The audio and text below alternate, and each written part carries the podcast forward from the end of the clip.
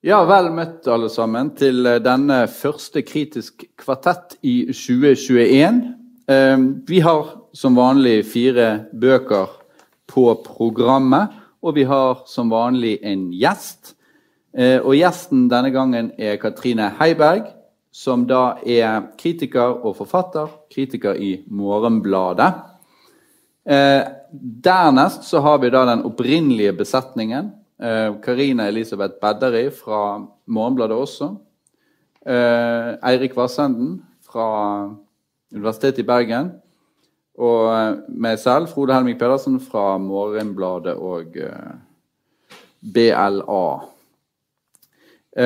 Bøkene i dag det er altså Kristin Berget, det første man ut eh, våre sår i hogstflaten rense, overgi blanke trær, blomstre opp i dødsraten, hvisk navnet ut her. I det minste et rim der. Og så eh, eh har vi Mari Ailonjeida Somban Mari. Eh, 'Leve blant reptiler' heter den norske delen, og den samiske den heter eh, Beivashmanat. Og så har vi eh, eh, noe helt annet, nemlig Kylie Reed, 'Such a Fun Age'. Eh, 'Litt av en tid' heter den på norsk. Da går man altså glipp av et ordspill. Men det er altså en, en sånn suksessroman da fra i fjor. Og så har vi til slutt Sandra Lillebø 'Tingenes tilstand'. Vi begynner med Berget. Eh, Katrine, eh, hva dreier det seg om her? Ja, jeg har skrevet en liten innledning eh, som jeg skal lese opp fra mobilen. det er altså en ung kritiker? Mm. Gjør et poeng av det. Ja, jeg skal, behøver ikke å gjenta tittelen, eller? Nei, det trenger du ikke. Um, ja. Eh, Kristin Berge er en uh, veletablert poet med fem diktsamlinger og én kortroman bak seg. Hun mottok Tams kvinnestipend i 2012 og Stig Sæterbakkens minnepris i 2014. Uh, jurybegrunnelsen til sistnevnte la bl.a. vekt på de mange perspektivene som finnes i Bergets dikt. At de på ett nivå handler om tap, sorg, kjærlighet og maktbalansen mellom elskende, samtidig som de kan leses språkkritisk, økokritisk, religionskritisk og kjønnspolitisk. Eh, årets utgivelse er hennes sjuende. Eh, og tittelen eh, hinter tydelig om bokas tematikk. Jeg kan gjenta den. Ja, gjør det, da. Eh, våre sår i hogstflaten, rense, overgi blanke trær, blomstre opp i dødsraten, Hvisk navnet ut her. Um, ja. Og tematikkene som da man, eh, som antydes i denne tittelen, er den økologiske krisa og naturtapet verden opplever i dag. Hvordan denne utviklingen setter oss på prøve, moralsk og etisk. Og dessuten språkets rolle eh, midt oppi det her. Boka åpner i en manende og nesten besvergende tone. Diktene benevner den konkrete virkeligheten. Veden og bålet, hasselnøttene og damfrosken og eikebordet og grøtmelet.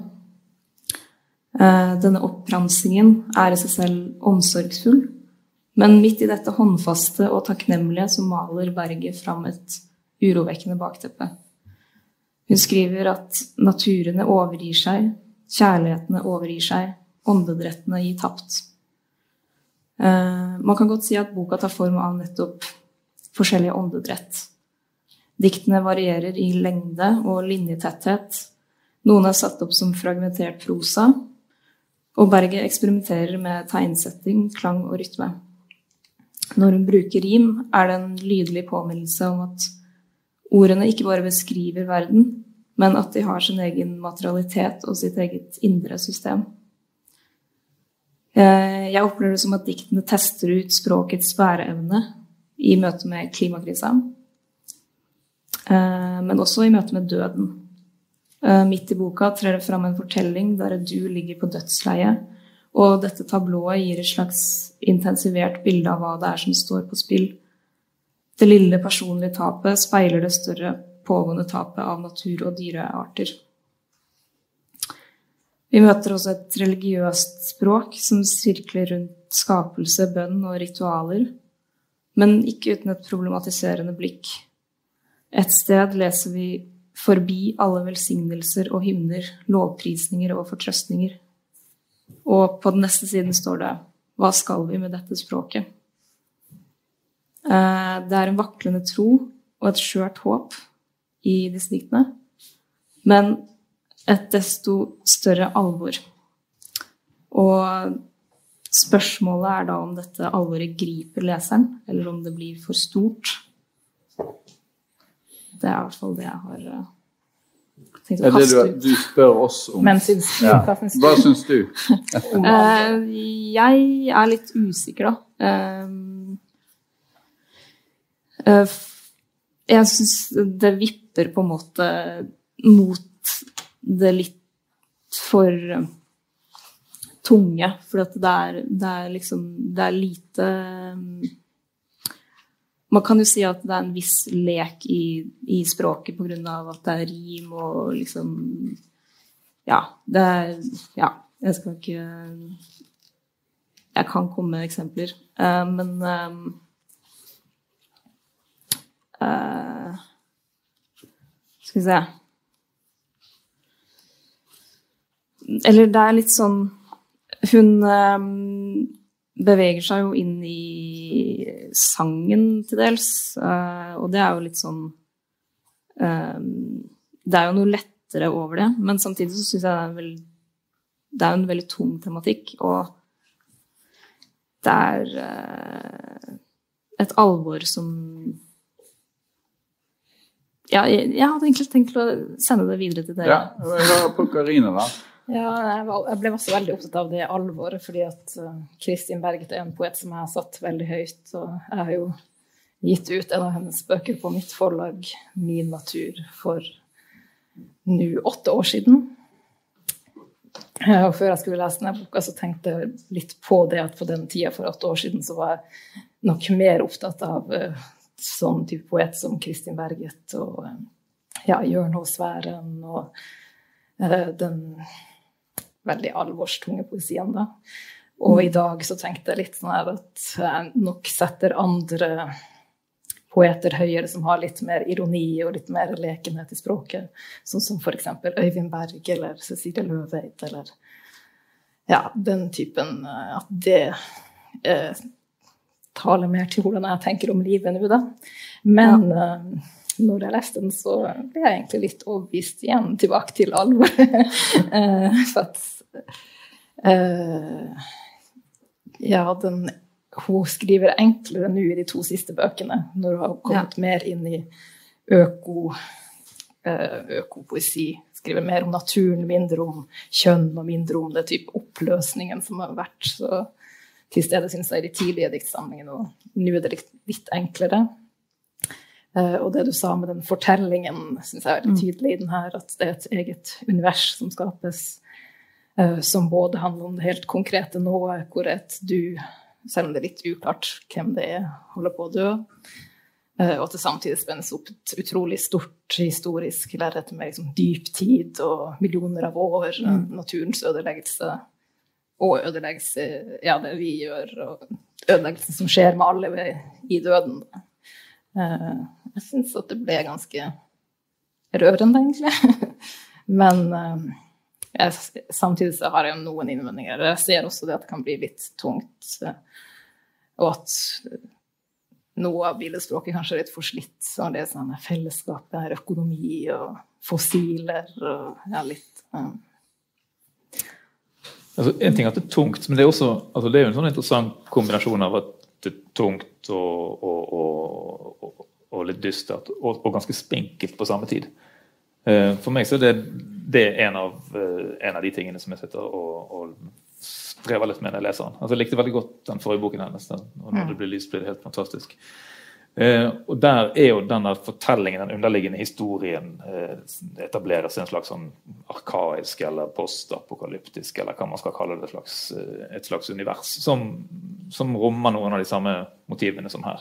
Mm. Eh, ja, grøtfatet og brøddeigen og, eh, og en slags enten for lenge siden eller langt inn i fremtiden eh, rudimentær enkelttilværelse.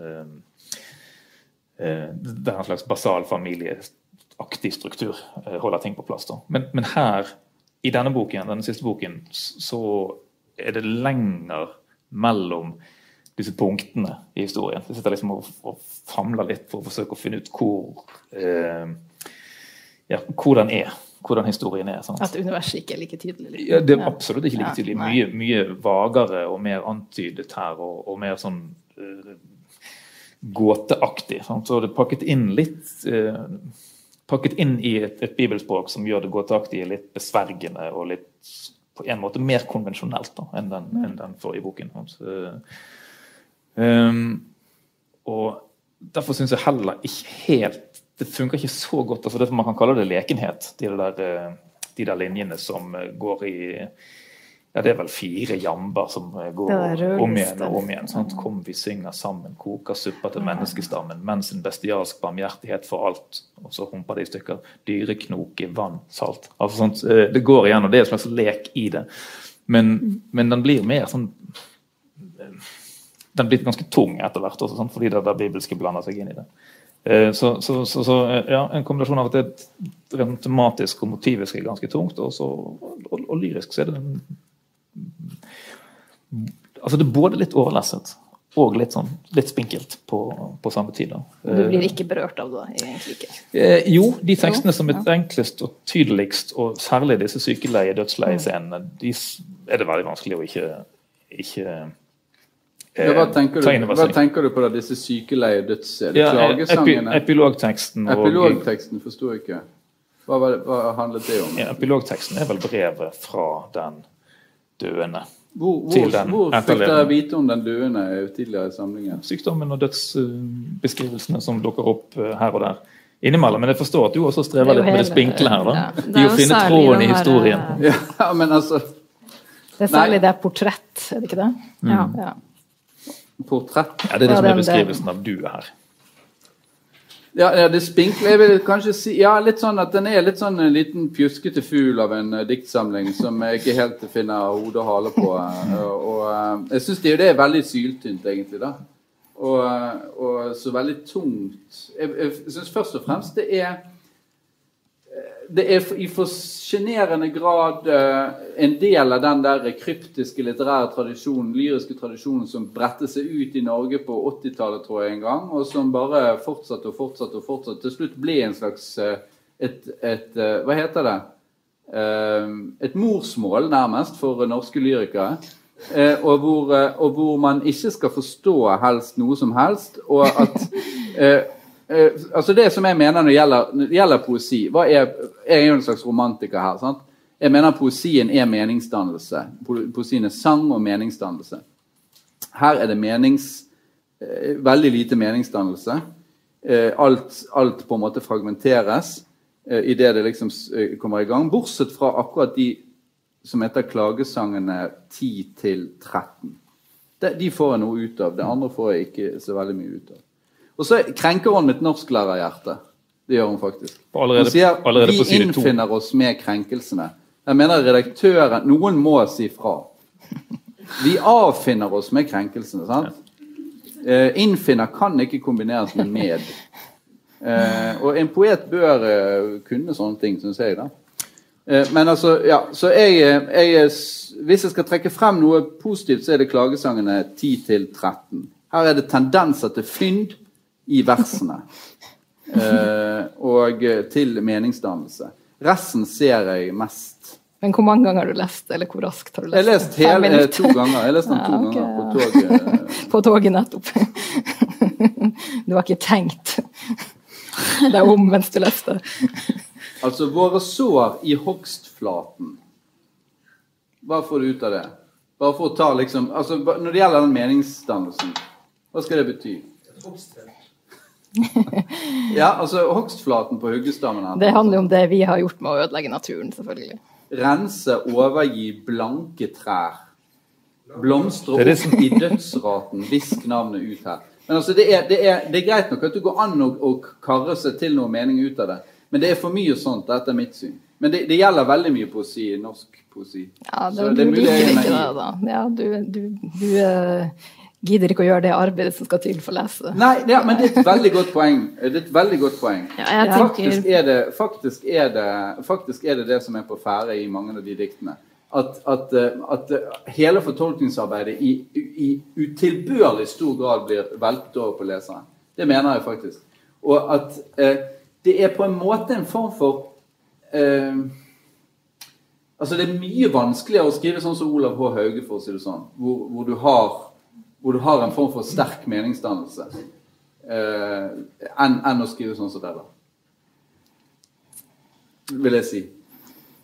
Ja, ja, det er vel ikke konkurranse i det som er vanskeligst å skrive. Men spørsmålet er det prinsipielle om du mener at dikt skal være meningsdannelse. Altså Det er klart at dette er meningsdannelse på eh, flere nivåer, men det er jo som, som du sier selv, da, sant? det krever jo eh, Altså det krever at du orker det, og så krever det at du vil det. Du er nødt til å ville, jeg tror du nesten er nødt til å ville å lese Ja, en, en sånn bok for at den skal, for at den skal virke på, på noe nivå. Mm. Den, gir ikke, den gir jo ikke tingene fra seg så lett. da. Eh, Nei. eh, Nei. Ja, eh, men altså jeg jeg vil jo si at boken har et problem hvis den er veldig avhengig av at leseren vil, vil veldig, veldig sterkt like den. I utgangspunktet. Eh, Men eh, Nei, men det, gikk ikke til Jeg satt ikke og leste den og bare Jeg vil veldig sterkt like den. Det er ja, jeg, jeg, jeg gjorde det andre Ja, gangen. ok. okay. da fant ut at de klagesangene er 10 til, til 13 var ok. ja.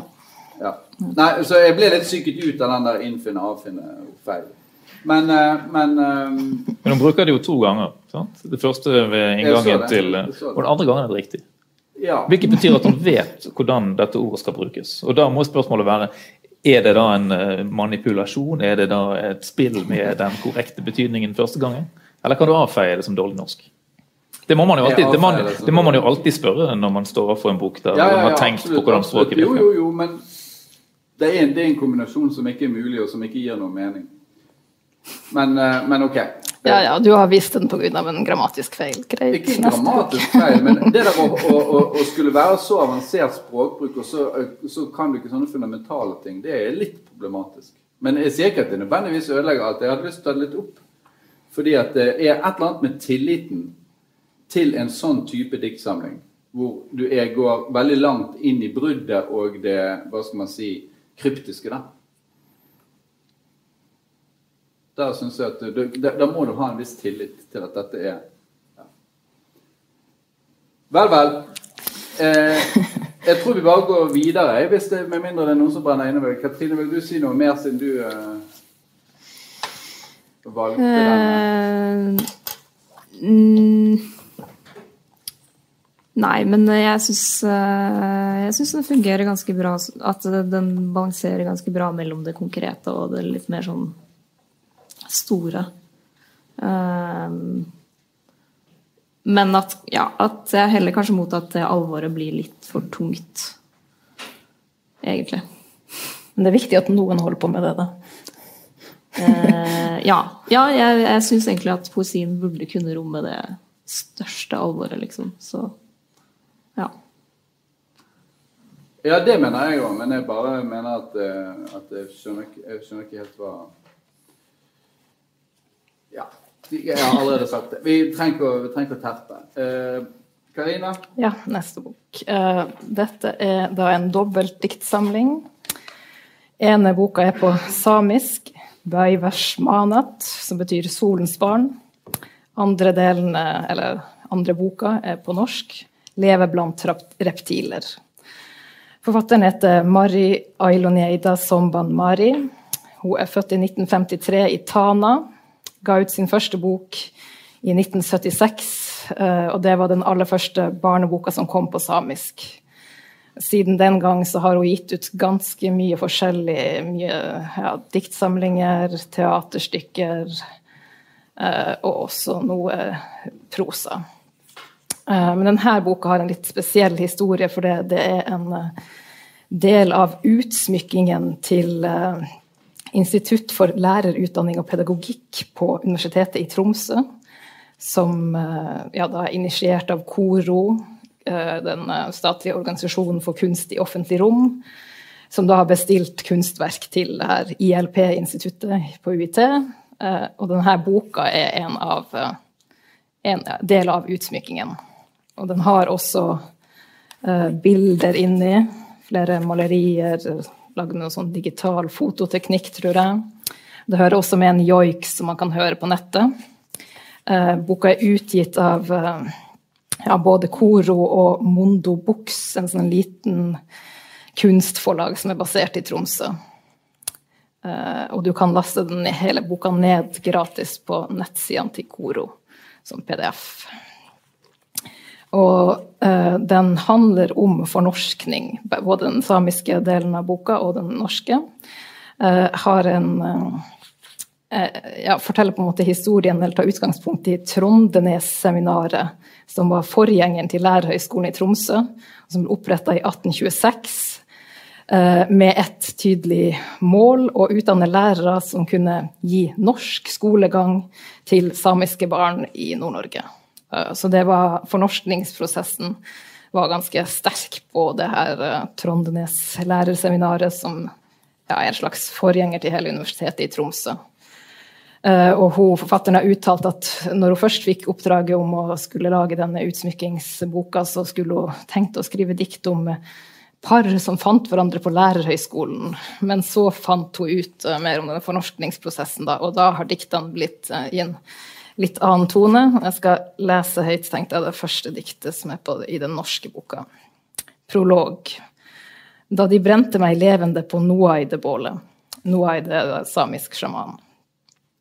Hvem skulle tro at det pga. alminnelige menneskerettigheter, som nordmannen selv har, skulle oppstå et sånt helvete med en gang starter skjefinga. Samene får ikke gjøre sånn, de får ikke gjøre slik.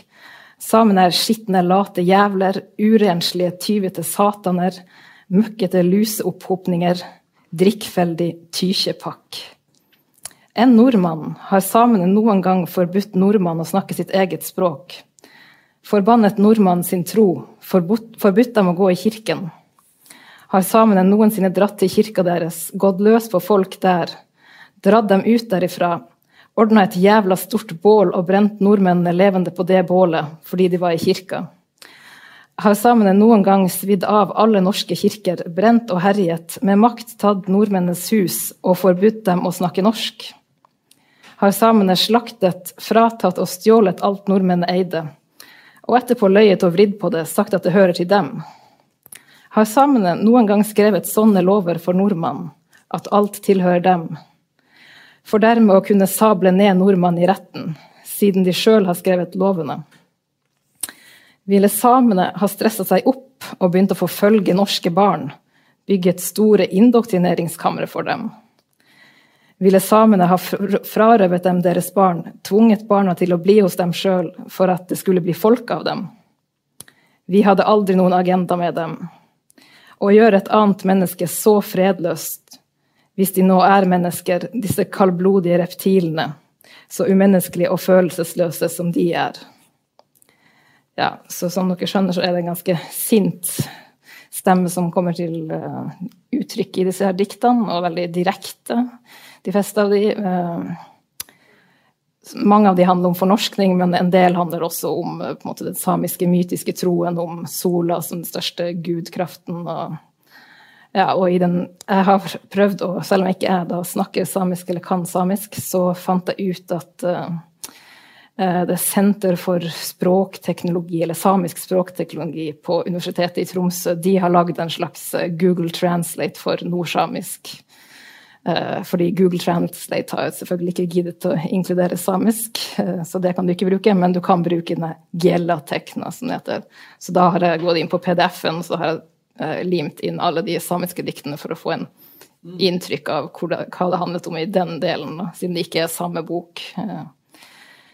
Og de handler også mye om fornorskning, men det er litt sårere tone i de, og ja, litt mer utopisk preg. Blant annet var et dikt som handler om den samiske litteraturen som kunne ha blitt til hvis det ikke hadde vært fornorskning. Uh, vi kunne hatt vår egen Ibsen. Strindberg skulle ha vært eh, en samisk person som skrev på et rikere språk. Vi skulle hatt et gammelt bibliotek hvor alle kunne sitte og høre på Ailohash sin musikk. Og, ja, vel, uh, mye sånn utopisk uh, Ja, en slags sår fortelling om hva som har gått tapt. da.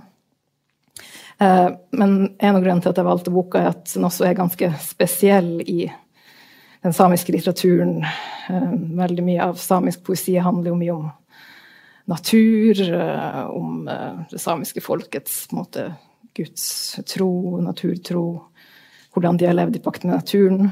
Jeg har ikke lest noen annen samisk forfatter som har gitt uttrykk for et sånt sinne mot fornorskninga. For det er ikke skrevet noe særlig litterært om fornorskning i det hele tatt. Det har vært et stort tabu egentlig blant samer. Ikke så mye snakket om de har ikke villet se seg sjøl som ofre eller eh, Ja. Og det har vært eh, så grusomt, de tingene som har blitt skjedd, at ikke de har kunnet uttrykke det sinnet, rett og slett.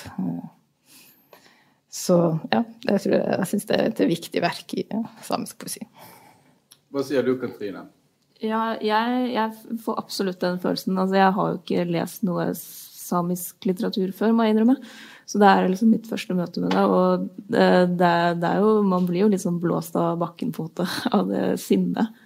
Det er veldig Det slår veldig sterkt inn, og uh, Ja, jeg har aldri blitt liksom eksponert, eller jeg har liksom aldri uh, møtt det liksom følelsesuttrykket fra samisk hold på noe som helst vis. Altså, det, det gjør vel inntrykk. Eh, og jeg tenker at det er eh, dikt som egentlig alle, alle, nordmenn burde lese, liksom. Eh,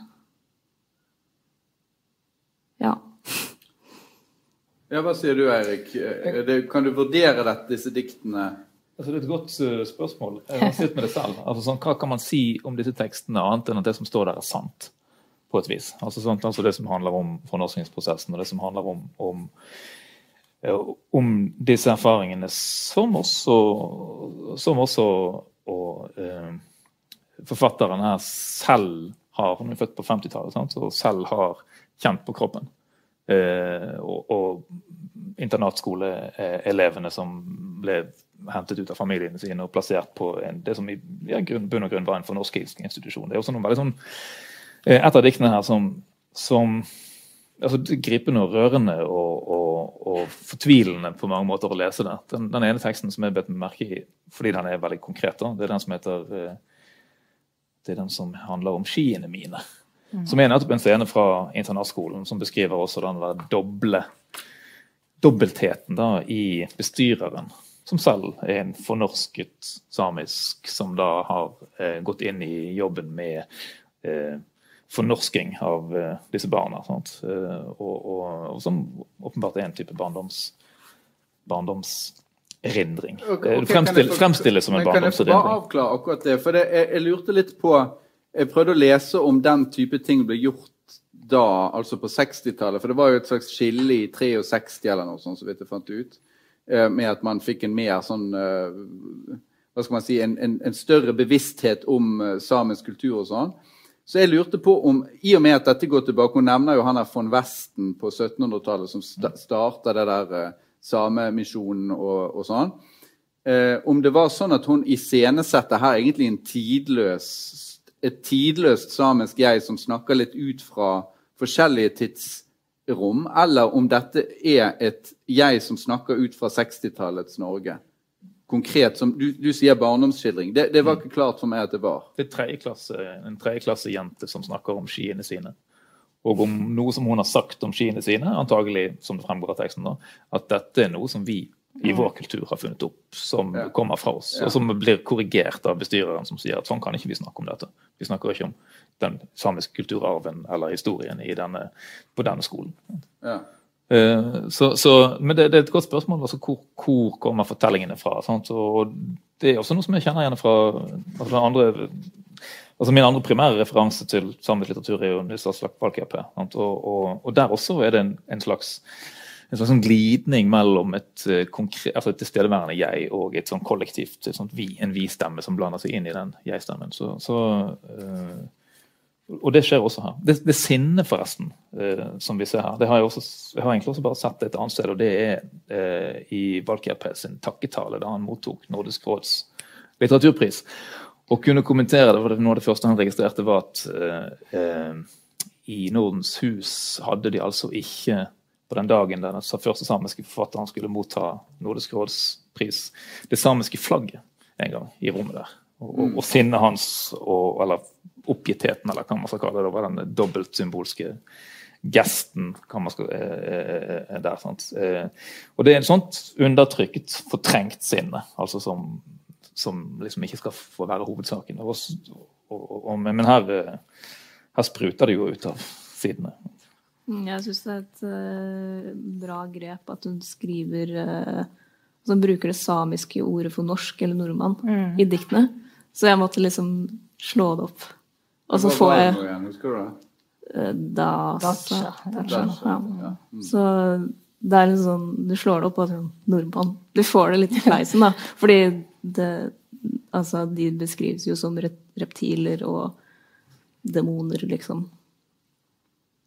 Ja, og det er jo selvfølgelig litt grann problematisk. Eh, selv om jeg mener jeg er jo helt med på at eh, nordmenn i den historiske konteksten her fortjener alt, eh, alle disse beskrivelsene.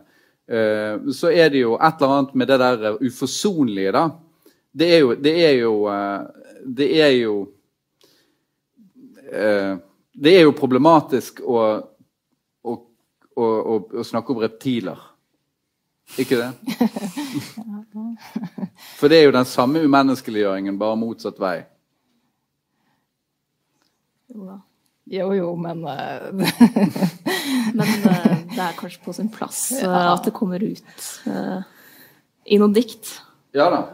jeg tror ikke jeg har tenkt å starte samisk her for å utrydde nordmenn. Liksom. Nei, nei, Jeg er nei, helt nei, men- bekymret. Nei, men, det er jo men det sier noe om denne diktsamlingens etos, på en måte. Da, at det er, det er en, en fiendtlig, uforsonlig fiendtlighet som er en ensidig eh, en, en form for ensidighet, som, som du sier helt sikkert nå på tide at kommer. Og, og for meg så er jo dette en inngang til et større studium, egentlig. Fordi at jeg sitter hele tiden og lurer på når skjedde ditt, når skjedde datt. Hva er det egentlig som foregikk? Sånn at jeg, jeg er helt enig i at det er en veldig viktig eh, bok sånn sett. Vanskelig å bedømme bl.a. fordi at den forholder seg da åpenbart til en samisk tradisjon, muntlig tradisjon, en samisk litterær tradisjon som ikke, som ikke vi kjenner. Ja, men det er jo ikke egentlig skrevet for oss. Og Nei. det siste diktet i det norske er jo veldig sånn her Ha deg vekk, ikke se på meg, gå, gå vekk. Du kan ikke vurdere dette, du kan ikke få ja, På en måte. ja. og så vender de seg bort fra oss og Ja. mot eh, den teksten som, er som har et annet publikum. Mm. Som har andre lesere, og som også har en annen type referanseramme. Sant? Så, Og som jeg sitter selvfølgelig og lurer på. Hva er dette? Sant? Når jeg leser det. Jeg har ikke vært så oppfinnsom som det du har vært med å klare å Eller prøve å, å, å betydningsoversette det eh, tilbake. Men det er jo en tekst, en, en bok som er lukket for ikke-samisk lesende.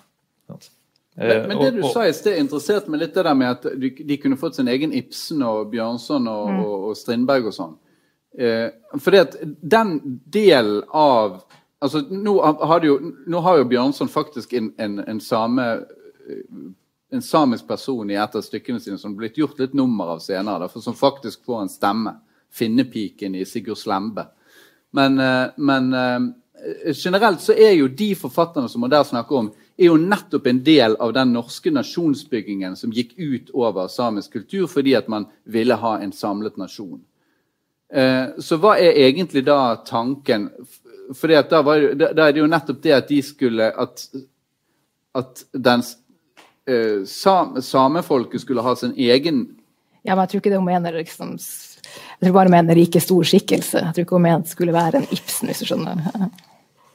Poenget mitt var det at hvis du hadde gått inn i hjernen til en fornorsker på den tiden, på, på 1800-tallet, på slutten av 1800-tallet, så var det jo nettopp for å gi dem den gaven som var Ibsen og Bjørnson osv., at man jo, drev med fornorsking, sånn at de skulle komme ut av disse trommene sine og, og, og, og sånn. Ja, det var vel ikke for å gi dem den gaven. Jo, jo, det var jo sånn de tenkte. Jo, Ja, det, ikke jo, kun. Altså, først skal de gi dem Kristus. Tveeggete sverd. Nettopp, eh, sant? De skal gi dem Kristus først, og så skal de gi dem kulturen.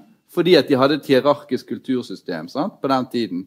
Hvor det norske sto over det samiske, og det samiske skulle så å si komme opp i det norske. Sånn tenkte man jo. Det er jo et, et er helt, Jeg skjønner godt at det er et fraværende perspektiv her, for det er, dette er en ensidig samisk motstemme.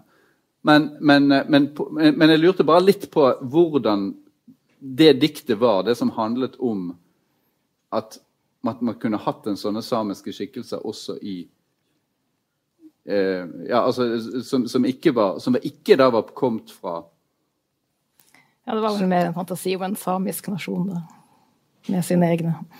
ja. Men det, det var kort. det var ikke noe, Jeg har ikke noe jeg, jeg kan sende det til deg. Ja.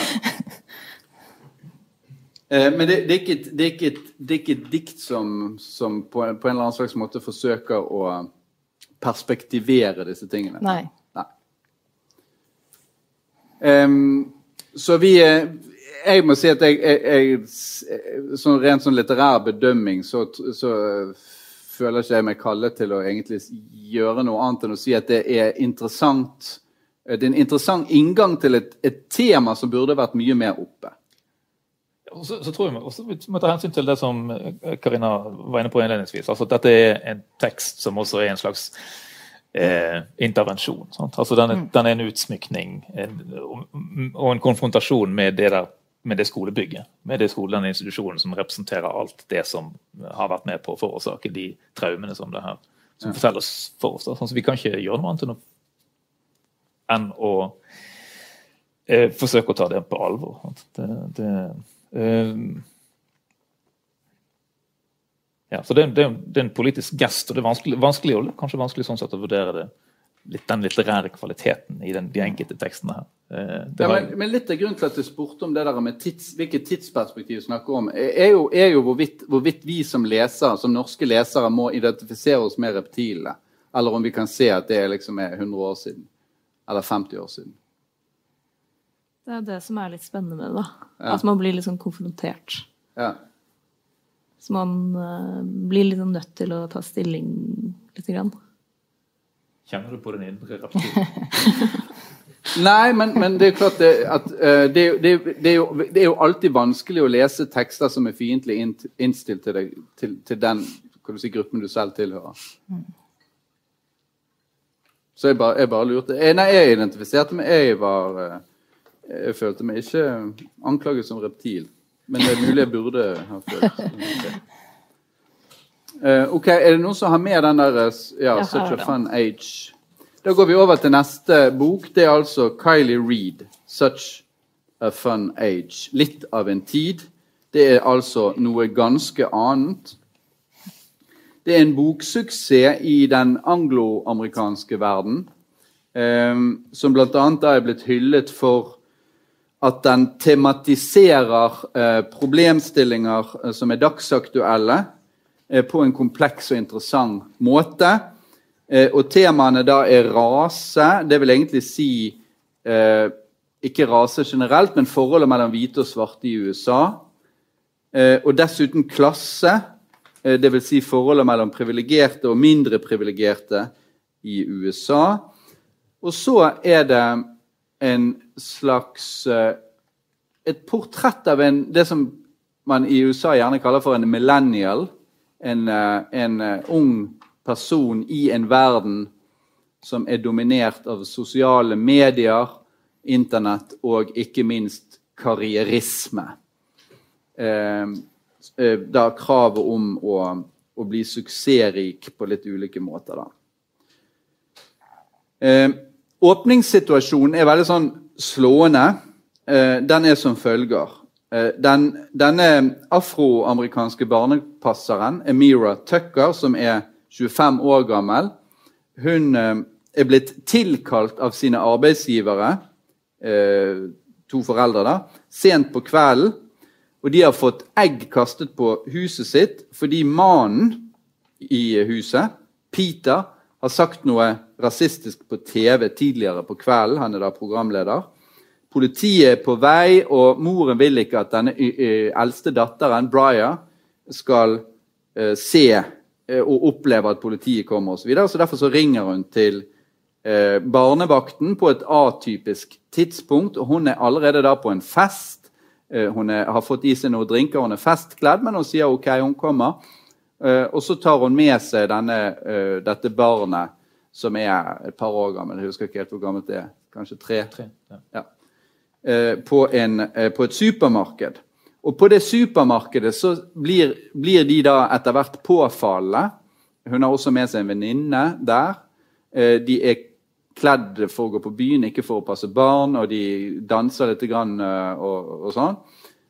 og så blir, blir, blir da denne Amira anklaget for å ha kidnappet dette hvite barnet. Eh, og I den konfrontasjonen som oppstår, så klarer Emira å holde seg relativt behersket, slagferdig, litt spydig, men som klarer på en, på en eller annen slags måte å skjule den veldig sterke frykten hun har. Eh, og så blir dette da filmet av en hvit mann som heter Kelly Copeland. Han filmer dette. Situasjonen løser seg opp. Og jeg var veldig glad for det da jeg leste romanen, for jeg tenkte hvis vi nå bare skal ha dette, og den, den blir liksom sendt ut på internett, og så har vi det gående, og litt sånn stressende, og, og, og sånn, men det, det, gjør de ikke. De trekker det hele tilbake. Han er som har tatt opp uh, opptrinnet, han sier uh, til Emira at han syns at hun burde sende det ut på internett og få han uh, sikkerhetsvakten sparket og lage litt sånn oppstyr. Men, men, det vil hun da ikke. Så hun får det, og så går handlingen da videre. Men så, på litt sånn ulikt vis så får denne episoden konsekvenser for, for livet til denne Mira Tucker. Blant annet så er det det at hennes eh, arbeidsgiver, denne eh, moren til, til denne, dette barnet som hun hadde med seg, Alex Chamberlain eh, hun, har, hun, heter Alex med I, tidligere med E. Hun har gjennomgått en slags personlig forvandling. Hun blir besatt av denne Emira. Hun må, eh, hun må få Emira til å like henne. Så det blir mange sånne her litt sånn pinlige uh, forsøk på tilnærming sånn ved bordet og sånn etter pass. Uh, og prøver å få henne til å komme på thanksgiving-middag med, med, med, familien. Og sånn, og det blir hun med på katastrofale følger. Uh, Mira er ganske sånn hva skal man si, lunken, lunkent innstilt til alle disse her fremstøtene. Denne Alex hun representerer en eller annen form for hva skal man si, moderne entreprenørånd på internett. Litt sånn influenseraktig person. Dette er i 2015. Det er Hillary Clinton sin eh, presidentkampanje. Eh, det største hun opplever, er å bli kontaktet av denne kampanjen, sånn at hun kan være der som en slags eh, eh, eh talsmann for kvinnenes eh, da, rett til å snakke høyt i offentligheten og ta plass. Um, mens denne Kelly Copeland, da, som har filmet dette opptrinnet, han blir da kjæreste med Emira Tucker. Og Begge disse to skikkelsene, Kelly og Alex, de representerer to måter som de hvite, privilegerte tilnærmer seg da denne uh, unge, svarte, uh, litt, litt underprivilegerte skikkelsen, som ikke helt vet hva hun skal gjøre med livet sitt. Så det blir en relativt sånn subtil kritikk av disse to altså det de representerer, der Kelly representerer en slags sånn fetisjist som elsker å omgi seg med, med svarte venner og kjærester osv. for å fremstå som utrolig eh, da, eh, moderne og god person. Mens Alex hun er mer en slags sånn her, eh, det som gjerne kalles for en white, white savior. Hun skal liksom redde Emira ut fra sin litt sånn villfarne eksistens og få henne til å bli en stor suksess. Det er vel egentlig det hun tenker at hun skal få til, samtidig som hun skal bruke Emira til selv å fremstå som uh, da uh, ja, uh, god og kul og smart og ja, følger med i tid osv. Ja. skal, Nå har jeg ikke sagt hvordan dette ender, for jeg tenker at det kanskje ikke nødvendigvis får se. Men jeg kan si det som så at det er åpenbart at denne boken hviler på i, i alle fall to eh, meget eh, altså eh, tilfeldigheter som er meget eh, vanskelig å kjøpe. Eh, og Den ene tilfeldigheten er at det viser seg at Alex hun har tidligere vært sammen med denne Kelly Copeland som filmet dette opptrinnet. Eh, og, at han, og, og hele tiden ment at han ødela livet hennes, men samtidig er fremdeles på en måte forelsket i han og vil gjerne imponere han. Sånn at når hun da kommer på thanksgiving-middag med sin kjæreste, så er det liksom What? Hakeslepp. Det er det ene. Og så er det en annen greie med noen brev som har satt seg fast i en sånn garderobeskap, som, som jeg ikke helt syns eh, Kanskje. Ja, jeg vet ikke. Hva, eh, hva, hva, hva sier dere andre? Karina, eh, f.eks. Syns du det er en intelligent utforskning av moderne temaer om rase og privilegier? Nei, nei, jeg hater den. Hater den? Ja. Jeg setter ja. pris på den tydelige dom. Ja, var, den er utrolig glatt skrevet helt Åh, oh, nei. Men jeg, jeg syns det var uutholdelig bare å høre deg si det flott. liksom, åh, oh, Kjedelig. Og så er det ja, bare sjablonger. Det er ikke én levende setning eller levende person. Kanskje hun er ungen. Kanskje. Briar. Ja, kanskje. Det er den mest interessante personen ja. i hele rommet. Treåringen. ja, hun. Men alt annet er helt uh, flatt og glatt. Uh, og det, jeg har sånn smarte, morsomme setninger som det her. New York var som en eks som hadde trent hele sommeren. Det er den typen setninger det er hele tiden. Bare, ah, det er forferdelig. Så du, du har eh, begitt deg ut på den norske oversettelsen? Ja, det var jo den jeg fikk tilsendt. ja, kan jeg spørre om du har lest den på engelsk? Du Katrine, har lest den på norsk? Ja, Jeg har lest den på norsk. Ja. For dette deler nok vi inntrykk av at dette er en veldig flat tekst. Hvordan ser den ut på engelsk? i originalen? Nei, altså jeg, jo, jeg, har jo ikke lest den norske, da, men jeg vil jo tro at, jo tro at de, den type setninger funker litt bedre. Ja, litt på, bedre, på men ikke så veldig mye bedre. Nei, akkurat det som du nå leste opp, blir, blir bortimot det samme. Men altså, Such a Fun Age, litt av en tid. Such a Fun Age ja, ja. er jo en, selvfølgelig en referanse også til Briar, som er tre år. Men du syns heller ikke at det er en god roman? Nå, Vent, vent litt nå, så spør du Katrine. jeg vil ikke si at jeg hater den. Uh, det, det, er jo en slags page turner, liksom. Det, jo, det, det, går jo unna, på en måte. Uh, og er uh, underholdende til en viss grad. Um, men jeg tenkte jo ganske tidlig sånn at Er denne skrevet av en journalist, eller noe sånt? fordi den var liksom så Den var utrolig informasjon... Det er en veldig informasjonstung tekst man, som um, hele tida uh, passe på at leseren liksom henger med på alt. Mm. Uh, og ja, og det gjør den liksom litt Kanskje litt lite litterær på et vis, da. Og så er det veldig mye um, dialog som, som, gjorde at det etter hvert Og veldig mye sånn uh, beskrivelser av um, kroppsspråk som gjør at um, at jeg, at jeg etter hvert begynte å se for meg at det var et TV-seriemanus, egentlig. Eh, så Som roman så syns jeg den er ja, ikke så interessant, da. Eh, rent sånn håndverksmessig så er det liksom Ja. Eh, det ligner ikke helt på en roman, på en måte. Du peker på et veldig interessant eh, moment som jeg også Jeg tenkte også akkurat det samme med en litt sånn lang TV-episode. 55 mm. minutter, et eller annet sånt. Mm. Eh, at, at, det funket til det. Men, men, det har jeg lagt merke til med mye amerikansk litteratur. Eh, ja. I det segmentet. Altså at det er litteratur som i veldig høy grad er, kommer fra film- og TV-mediet. Eh, hvor, hvor, vi har kanskje vent oss til å tenke på at litteraturen er det primære, og så får man det kanskje en filmatisering og sånn, av litteraturen. Mens her har, har, jeg en følelse av at veldig mange amerikanske forfattere tenker når de skriver at kanskje, kanskje blir dette plukket opp. Brett Easton Ellis innrømmet at han alltid hadde tenkt sånn, f.eks. Fordi, at, fordi at det, var, det, var, film de ville til syvende og sist inn. Jeg vet ikke om Reed tenker sånn. Uh, men jeg skal intervjue hans neste uke uh, her, så der får vi høre. Ja, eh, jeg deler en del av, eh, en del av de vurderingene som er gjort her nå. Altså. Eh, men kanskje, kanskje fokusere på det som jeg syns var ganske fint. da. Nemlig min lille research her førte meg jo i retning av å tenke at den ikke er skrevet av en journalist, men av en som har jobbet profesjonelt som barnepasser.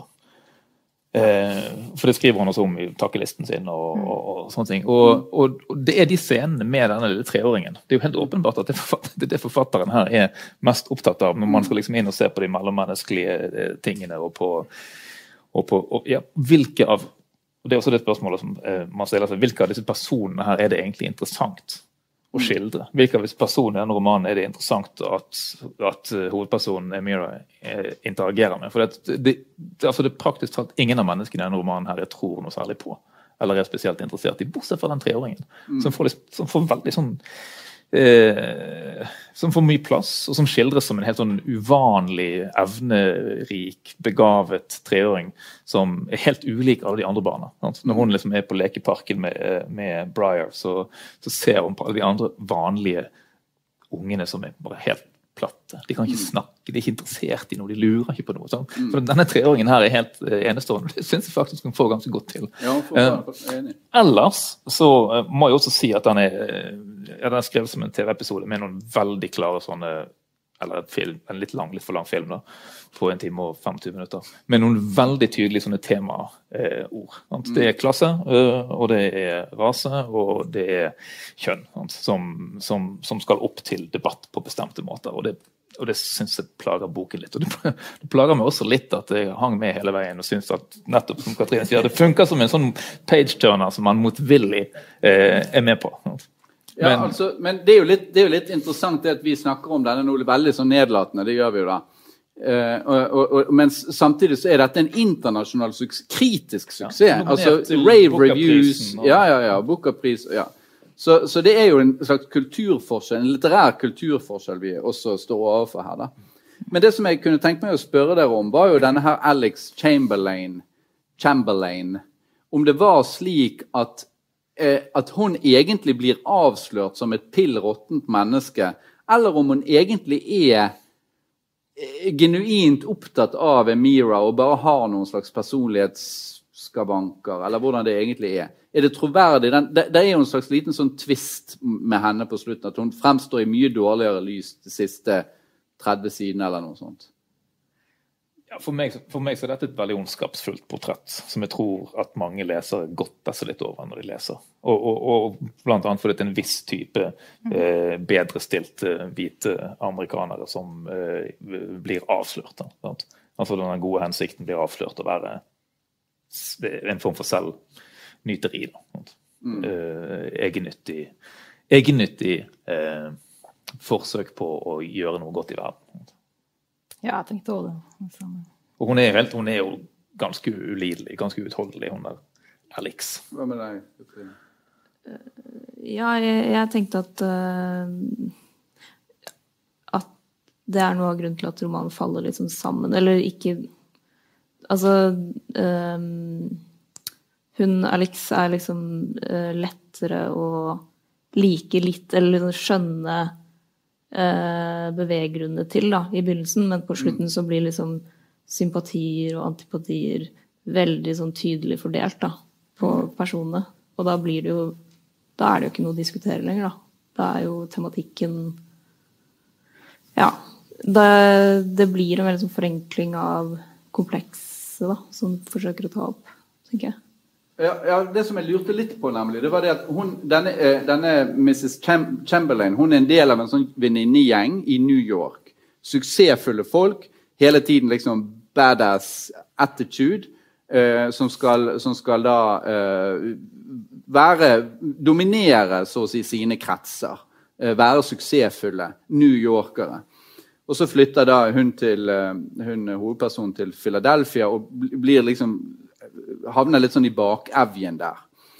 Eh, og, og det, som jeg, det, som jeg, det, som jeg, lurte på, var om, om Reed her forsøker å lage en satire over det segmentet, og dermed egentlig også over hele den kulturen som er uansett såpass fremmed for oss nordmenn. Altså Det der med at du skal kapitalisere på absolutt alt du kan.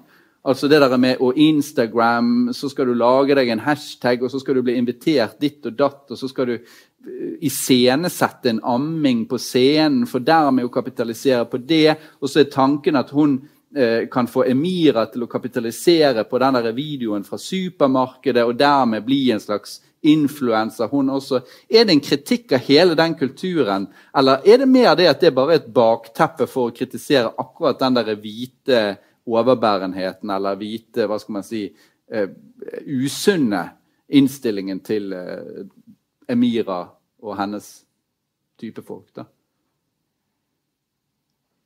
Jeg tenker jo at det er en kritikk av hele den kulturen, men den er jo samtidig så glatt skrevet at det liksom den er en del av det samme. Nettopp, sånn, del av, så, så, boken er en del av det samme kulturen. Ja, det er en kritikk av produktifiseringen av kulturuniverset, samtidig som den er, et uh, veldig salgbart produkt selv. Det tror jeg man kunne si om denne boken. Men det er, det er, en, det er et, det er et, stort handikap å bare ha lest den på norsk, for jeg syns ikke den norske teksten er særlig god. Den, den humper av gårde, og, og, og, om det er noe interessant der språklig, om det finnes noe lek eller liv, og sånne ting, så er det ikke så lett å se det ut av for den er ganske sånn snappy. Ja. Uh, jeg, si. jeg kan forestille meg det, for det er en tekst som i hvert fall i norsk utgave forsøker å være snappy. Ja, men det er ikke morsomt på norsk, i hvert fall. men jeg tror det er vanskelig å liksom være helt, helt, up to date med sjargonger og sånne ting i oversettelser. Greit. Da sier vi det sånn at de som har lyst til å lese denne boken, de vil kanskje ikke kjede seg for mye, men les den på engelsk. Uh, Vi går videre til Sandra Lillebø. Det er altså en bok eh, som har uh, vakt en viss debatt. Uh, 'Tingenes tilstand' heter den. Eirik? Ja. Her er vi da inne i et annet av en annen av tidens prinsipielle, sentrale prinsipielle diskusjoner. Iallfall for oss kritikere. nemlig spørsmålet om hvordan vi kan eller skal sette oss til doms over verk der avstanden mellom forfatter og fortelling er minimal, eller kanskje til og med ikke-eksisterende. Bøker der vi blir bedt ikke bare om å tro på det som fortelles, som i at det er sant, men også der vi blir fortalt at ting som er oppdiktet, eh, er prinsipielt dødt eller falskt. Eh, tingenes tilstand, Sandra Lillebø sin 'Tingenes tilstand' er en sånn bok, der man som kritiker har en følelse av at en vurdering av teksten ikke bare er en vurdering av et litterært verk, men også en vurdering eh, og en dom over de erfaringer som da ligger under. At den smerten som det fortelles om, eller mer presist da, språket, setningene og avsnittene som formidler og rommer denne smerten, og den stemmen som forteller om smerten, eh, eh, også da er oppe til doms. Og det gjør eh, denne romanen kanskje litt vanskelig å forholde seg til. Det har i hvert fall utløst en ganske hissig debatt rundt omkring, bl.a. i Morgenbladet, etter en, en, veldig avvisende anmeldelse som Bernhard Ellefsen skrev. Olaug Nilsen skrev et, et, skarpt tilsvar, og den har surret også i de sosiale mediene. En hissig debatt rundt denne romanen og, og, rundt det dilemmaet som leseren, og kanskje særlig kritikeren, står overfor i møte med bøker der empati og estetisk vurdering ikke nødvendigvis trekker i samme retning. Karina har skrevet et fint essay om det i 'Vinduet', der denne boken også er, er, er en del av diskusjonen. da. Men vi lar denne ligge eh, litt, denne prinsipielle diskusjonen. For hva er det egentlig vi møter i denne romanen? Det er fortellingen om en datter som en kvinne som vokser opp med en psykisk syk mor, med ustabile omsorgsforhold og med et omvendt ansvarsforhold. Altså der datteren blir den som får ansvaret, og som tar ansvaret både for egen oppvekst, for mor sitt ve og vel, og etter hvert som familien eh, flytter fra sted til sted og så liksom har jobben med å holde ting sammen. Det er hjerteskjærende å lese om barnet som prøver å dekke over mor sine mange sosiale tilkortkommenheter, som forsøker å skjule hvordan det egentlig står til. Barnet som hopper opp i mor sitt fang for å avlede oppmerksomheten fra en mor som ikke helt får det til i vanlige sosiale settinger, ikke vet hva hun skal svare når noen spør. Som voksen gjennomlever og gjenskaper uh, hovedpersonen da, barndommen sin uro, de stadige forflytningene. Hun føler seg feilplassert, bortkommen i det stabile og gode familielivet som hun selv lever. Det er så liksom om hun ikke tror på at hun selv fortjener det, eller tenker at det når som helst skal kunne rykkes vekk. Eller veltes over ende da ved at mor eller morsarven bryter seg inn i det stabile.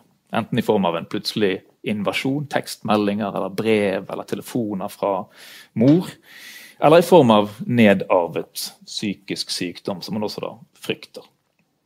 Det er en ganske brutal lesning, mye av dette. Fortellingen har et voldsomt og, og katarsisk preg av oppgjør av noe som må ut. Og så forsterkes selvsagt det voldsomme i dette når vi både får følelsen av å bli fortalt at dette er en mor-datter-relasjon som slettens ikke er tilbakelagt. Eh, det finnes en mor som både er tema og mottaker av denne fortellingen. Den er skrevet eh, om og for mor jeg skriver for å drepe eller for en død, som det står et sted. Det, det etisk problematiske i dette er helt opplagt, eh, og det er ikke i og for seg noe å, å, å, å diskutere det. Eh, boken handler om det etisk problematiske i dette, men også om at det likevel som, da, som en slags overlevelsesstrategi må eh, komme ut som fortelling. Formen på denne romanen underbygger et sånt preg av noe ikke oppdiktet og, og autentisk. Vi får ingen velsmidd, sammenhengende oppvekstroman. Vi får en fragmentarisk, dagbokaktig fremstilling der gjenfortellinger av minner og plutselige flashbacks veksler med selvrefleksjon, betraktninger om fortellingens vesen, om fortellingers sannhet. Og med korte, sånne innskutte betraktninger som, som ikke alltid er så tett på grunnfortellingen, men som fremstår mer som løsrevne aforismer. Formen er springende, løs, på samme måte som tanken kan være det, som ikke minst da minnene kan være det når de trenger seg på med stor kraft. Samtidig er det noe ganske hardt og konfronterende i hovedfortellingen her, som kanskje mest av alt handler om overlevelse for fortelleren. Eh, og så handler det om slåsskampen med fortellingen, med å finne en form for fortellingen. Det er også en sentral del av romanen. Eh, ja, jeg syns dynamikken mellom For å liksom konkludere, da. Eh, for dynamikken mellom fortellingen og den løse formen funker. Altså, Jeg har noen innvendinger her og der, og sånt, eh, eh, men jeg opplever, med noen få unntak, unntak, og det er vel kanskje egentlig disse liksom aforismeaktige, løsstilte sentensene her og der. Med unntak av det, så funker det. Det er hardt og, og, og svakt på samme tid, og jeg tror på det. Eh, jeg har en innvending. Skal jeg komme med den også? En litt mer prinsipiell innvending? eller oppspill til en prinsipiell diskusjon? Ja, Ta den kjapt, da, og så går vi videre ja. til Katrine. Ja, for Hva da om anmelderen strever med å akseptere formen? Jo, da oppstår disse dilemmaene som jeg snakket om. Sant? Da er det som om leseren avkreves en aksept, eller må felle dom ikke bare over den litterære fremstillingen, men også over disse erfaringene som ligger under. Og Det finnes også utsagn i denne romanen som jeg har noen problemer med. F.eks. hvorvidt det finnes forfattere som eh, Eller hvorvidt man kan stole på forfattere som ikke vet hvor de skal med det de skriver, når de skriver. Eh, eller at det litterære språket som heter, at det er falskt. Eller at det som tilsynelatende ikke springer ut av noen form for nødvendighet, som det heter, det er, er dårlig eller utroverdig eller usant. Her ligger det en eller annen form for moralisering fra Lillebø som side, som jeg ikke er så begeistret for. Hadde det stått i et debattinnlegg eller en kritikk, så ville jeg kalt det fordomsfullt og generaliserende. For det finnes veldig mange former for nødvendighet, og ikke bare basert på biografiske erfaringer. Men altså, så står det da i en, en, en, roman. Sant? og Spørsmålet er hva skal vi gjøre med det? Skal vi bare tenke at det er en del av romanens samtale med seg sjøl om hvordan det skal fortelles, eller skal vi ta det for pålydende? Ja. ja. Uh, ja Katrine, hva, hva sier du? Uh, funker det? Uh, ja, det er masse å ta tak i, men for å svare på det siste, da Med det litteratursynet som hun legger fram, så jeg opplever, det som veldig problematisk. mot en. Egentlig direkte litteraturfiendtlig, på en måte. Eh, fordi ja, alle som skriver, vet jo at det er et håndverk også, liksom. Det, er ikke sånn at det er en sånn én-til-én-forhold mellom Eller at det går an å Altså, det vil alltid kunne være ulike versjoner. Man, kunne, man kan skrive én historie på mange forskjellige måter, liksom. Eh, mens hun legger det fram som om man skal kunne skrive liksom den ene sanne eh, historien, da.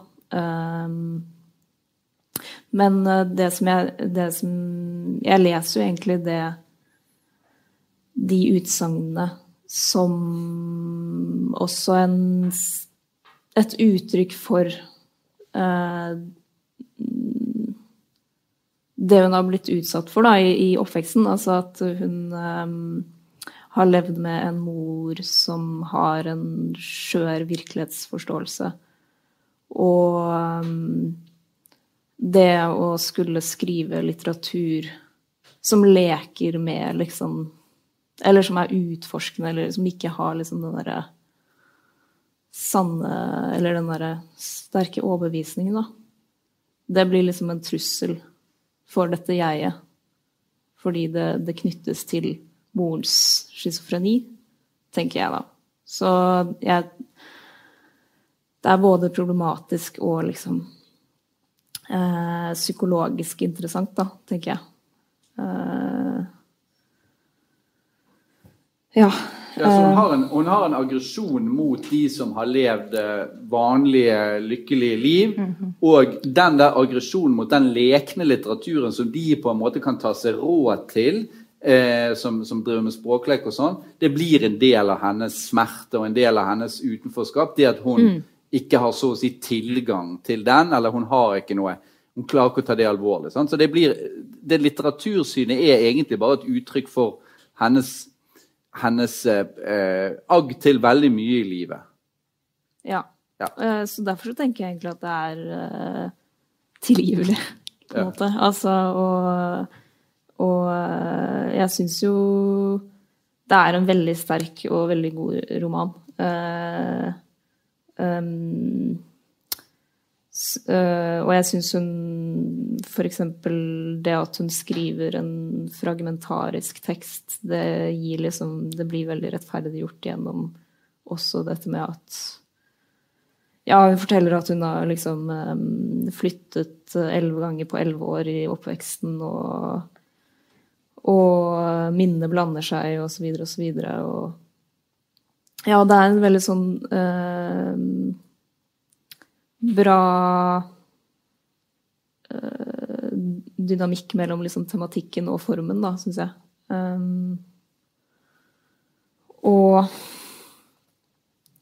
uh, alle, alle, alle liksom urimelighetene, det må, det må man nesten uh, lese psykologisk, tenker jeg. Altså som en del av ja, ok, men, men, det betyr jo også at men sam, Jeg skjønner hva du mener. så Du sier egentlig bare at du må ta det med på kjøpet, for det er en del av et helhetsbilde av et psykologisk portrett som er på en måte mm. ærlig.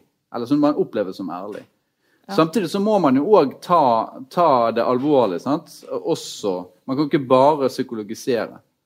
Uh, men jeg tenkte jeg skulle spørre Karina, for dette, dette er jo første gangen jeg leser en roman hvor selve dette forumet her, Kritisk kvartett, tas opp til diskusjon da var meget uh, kritisk. Det står da Det er O som har fortalt meg dette. Et litteraturarrangement i Bergen hvor en oversatt bok, en såkalt sterk historie, diskuteres. Kritikernes dom bare nok en lidelseshistorie. Ikke verd importen. Ikke verd importen. Og det, Karina, det var vel du Uh, ja, eller det har jeg fått høre fra en felles venn av meg og O i romanen, som uh, da også eksisterer i virkeligheten. Men uh, at det er jeg som har sagt det, som jeg ikke visste sjøl, og som ja, jeg vet ikke hvilken bok det er. Jeg har ikke oversikt over alt vi har lest de siste åtte uh, årene. Så, ja. altså, men, spørsmålet var, men, spørsmålet mitt var ikke om du kjente igjen scenen i og for seg, men om du syns dette var nok en lidelseshistorie? Det var egentlig det. som... Ja, om Sandra sin? Ja. Nei, det tenker jeg jo ikke. Jeg er egentlig ganske enig i det Katrine har sagt. Jeg har ikke noe problem med denne boken som roman. Hvis, og jeg ser også veldig mange av de det agget og det sinnet og det ja, liksom forakten mot både, som både retter seg mot mora og som retter seg mot folk som har hatt det lett. Hun innrømmer det jo sjøl òg, liksom, at, at, hun er urimelig. Da. Hun tematiserer det jo også. Så, Så jeg syns ikke at Eller jeg, jeg er også med på å lese det inn i en slags psykologisk ja, hele det litteratursyn og alt det. Men når hun i tillegg går ut i intervjuer og sier de samme tingene og vil liksom lage en debatt av det, da blir det litt mer Da tar det ut av romanen, på en måte. Så da eh, Ja. Ja. ja og den, den, eh, en del av de, de tingene som ble, ble da uh, ført uh, til torgs av, uh, av Sandra Lillebø og Olaug Nilsen i den debatten, var jo, var jo ikke mulig å akseptere, iallfall for meg. og det var jo et eller annet med at altså fordi at, Det var jo et eller annet med at man skulle respektere altså, hva, hva, Hadde lidelsen en plass i romanen? Det, så, men lidelsen må jo ha en plass i romanen. Selvfølgelig. Og det, det er jo til og med alle klisjeer om uh, forfatterpersoner jeg går jo ut på at forfatteren er en lidende figur. Det har jo det aldri vært stilt spørsmålet. Så spørsmålet er jo hvorvidt, hvorvidt man klarer å gjøre lidelsen til, om til god litteratur. da. Og Du kan jo ikke bare stole på at lidelsen i seg selv skal være nok. Det går jo ikke. Det må jo alle være enige om. Så det må jo fungere som bok. Ja, ja, og, og, og det, som, det, som, er mitt eh, så, så jeg er enig i at den er hjerteskjærende, og, eh, og at den er Den får fremstilt så å si et, et psykologisk portrett av jeg-personen og sånn, det er jeg med på. Og, og jeg sånn sett kan anbefale absolutt anbefale boken, også fordi at det er sjelden man får en såpass anskueliggjørende fremstilling av hvordan det er å være barn av en schizofren mor. Og, hvordan, og, og, særlig det som gjorde særlig inntrykk på meg der, var vel det at hun snakker med venninner av moren fra uh, tenårene og sånn, som har kjent henne lenge, og får vite da om en helt annen person. En person som hun aldri har kjent. Nemlig den, så å si den egentlige personen uh, som var før hun fikk da sy ble syk. Eh, og schizofreni kommer vel omtrent, eh, eller ofte rundt slutten av tenåringen eller 20-årene. 20 begynnelsen av 20-årene. Eh, og det ser ut til å ha skjedd her, og at hun egentlig aldri har, har vært seg selv etter at hun fikk den diagnosen, og at da jeg-personen aldri har møtt sin mor, egentlig. Hun bare har møtt en, et slags ødelagt person hele tiden, som er helt umulig å forholde seg til, og som bare så å si som til slutt er blitt rett og slett ren gift for henne i livet. Da, å ha i livet sitt, Som er, gjør det helt umulig. Av alt det der syns jeg er veldig bra. Men, men, når det gjelder det, det, der med formen som dere snakker om, så vil, jeg, så vil jeg peke på at denne type litt sånn fragmenterte måten å skrive, litt sånn nåtid, litt minner og sånn, det er i dag en konvensjonell måte å gjøre det på. Det er sånn de fleste gjør det, i min erfaring. Så det er ikke noe nytt med denne formen. Det kan godt hende at hun har strevd for å filme formen slik hun da påstår. Og det er problematisk at boken i så sterk grad insisterer på å bli lest på bestemte måter. Det merker jeg at jeg gjør litt sånn motstand mot som leser. litt sånn OK, la nå meg få lese boken, liksom. Ikke, du kan ikke bestemme hvordan folk skal lese boken. Eh, men, men det er ikke, det, dette er ikke en innovativ form. Det vil, jeg, det vil jeg, absolutt uh, motsette meg. Den, ligner, den, ligger veldig tett på uh, Arne Jernå, som Lillebø har oversatt til norsk. sant? Og ja, det var, det var, og, og, og, og ja, Boston Knausgård er akkurat samme men, men spørsmål, altså, Det er vel ikke det som har vært uh, trukket frem som det store, er det det? Altså ved denne boken at, er, at formen er ny? Det er vel mer at formen er, oppleves sann og ekte og autentisk i en viss forstand?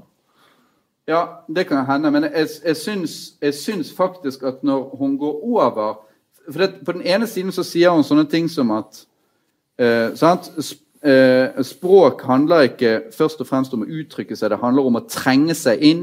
Bla, bla, bla. Derfor hater jeg språklek. Bokstavpoesi. Språk som gjør seg vanskelig med vilje. Kristin Berger, f.eks. Eh, eh, det såkalt utforskende som ikke er interessert i noe annet enn seg selv. Jeg avskyr det.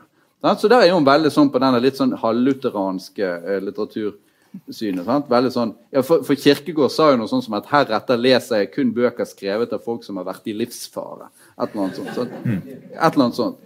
Eh, men så eh, Sterkt etos. Men så på siden etterpå så skriver hun sånn Å finne språket og å finne kjærligheten. Jeg ser ingen forskjell på de to. Og da tenker Jeg sånn det, jeg tror jeg ingenting på.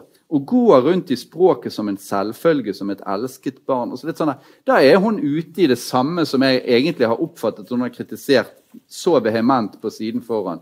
Litt sånn der eh, halvpostmoderne eh, mumbo jumbo. Og sånn finnes det noen av. Det er det jeg mener med disse litt Ja. sånn aforistiske eh, innslagene. Da. Forskjellen på kunstneren og tilskueren er forskjellen på en som er elsket, og en som bare håper på å bli det. Ja, det Det funker ikke som aforisme. Det funker som på, selvfølgelig på et bilde, mellom, på, et bilde på forholdet mellom eh, en mor og et barn. Ja. Altså, eh, men, men, men, men ja, det det er noen ting som, som skurrer. Men eh, Men det er én ting vi ikke, har kritisert noen av oss. Det er jo det etiske ved å, å, å gi det portrettet av moren. Og det merket jeg på, på, da jeg leste den, at det var jeg Jeg mener at hun har rett til å skrive dette. Altså. Det, det følte ikke i det hele tatt var noe problem. Altså Det er et problem for henne og et problem for familien, sikkert, men det er ikke et problem som jeg føler at vi trenger å, å på en måte å, å være Altså ta anstøt på vegne av, av hennes mor. Det, det tror jeg de får. Nei da, men det dirrer jo selvfølgelig i oss på en eller annen måte når vi leser det. Sant? Vi vet at moren fins, vi vet at moren lever. Vi vet at moren I denne romanen lever hun. Sant? Hun lever også i, i hovedpersonen på forskjellige måter. Altså, Ja, det er et etisk problem. Den, Jeg bare sier at Den desperasjonen til jeg-personen gjør at det For jeg var jo forberedt på at det skulle oppstå som et problem, men jeg tenkte som så at er så, hun er så desperat. Hun har fått livet i så stor grad ødelagt. Og hun må, hun må ha lov til å fortelle dette. Det, det mener jeg. altså. Ja, det er jeg enig men jeg syns ikke at det skal liksom være heroisk at hun forteller det heller. Nei. Det er det ikke. Nei, men det, Hun sier jo kanskje ikke akkurat heroisk, hun sier bare at det er livsnødvendig. Ja, ja, men jeg er litt i den mottagelsen og med måten det er blitt uh, gjort med intervjuer og alt, så, så kan man kanskje få litt den følelsen. Ja. Ja, vi er egentlig over tiden. Skal vi ta en liten oppsummering på hva vi egentlig Alle er egentlig eh, for denne boken her, som sånn samlet sett, selv om vi eh, har våre innvendinger. Ja, den er, den er jo rystende og, og brutal, men den er også selvfølgelig, og kanskje den må være det, påståelig og, og, og, og konfronterende. Den konfronterer også vår, litteratursynet vårt eh, på, på, på minst en måte. Ja, og Katrine jeg fikk inntrykk av at du mente det samme cirka. Ja. Ja. Da ønsker vi eh, eh, Da takker vi for oss, mener jeg, eh, og ønsker dere en god kveld videre. Og nå skal vi ha en kritisk kvartett til, men jeg husker ikke helt hva datoen var for den. 8. juni? Ja, Ja, Helt til 8. juni, ja. ja. Så det blir, det blir langt mellom slagene. Men vi ses igjen forhåpentligvis 8. juni. Takk for fremmøtet, og takk for dere som eventuelt har fulgt med på video.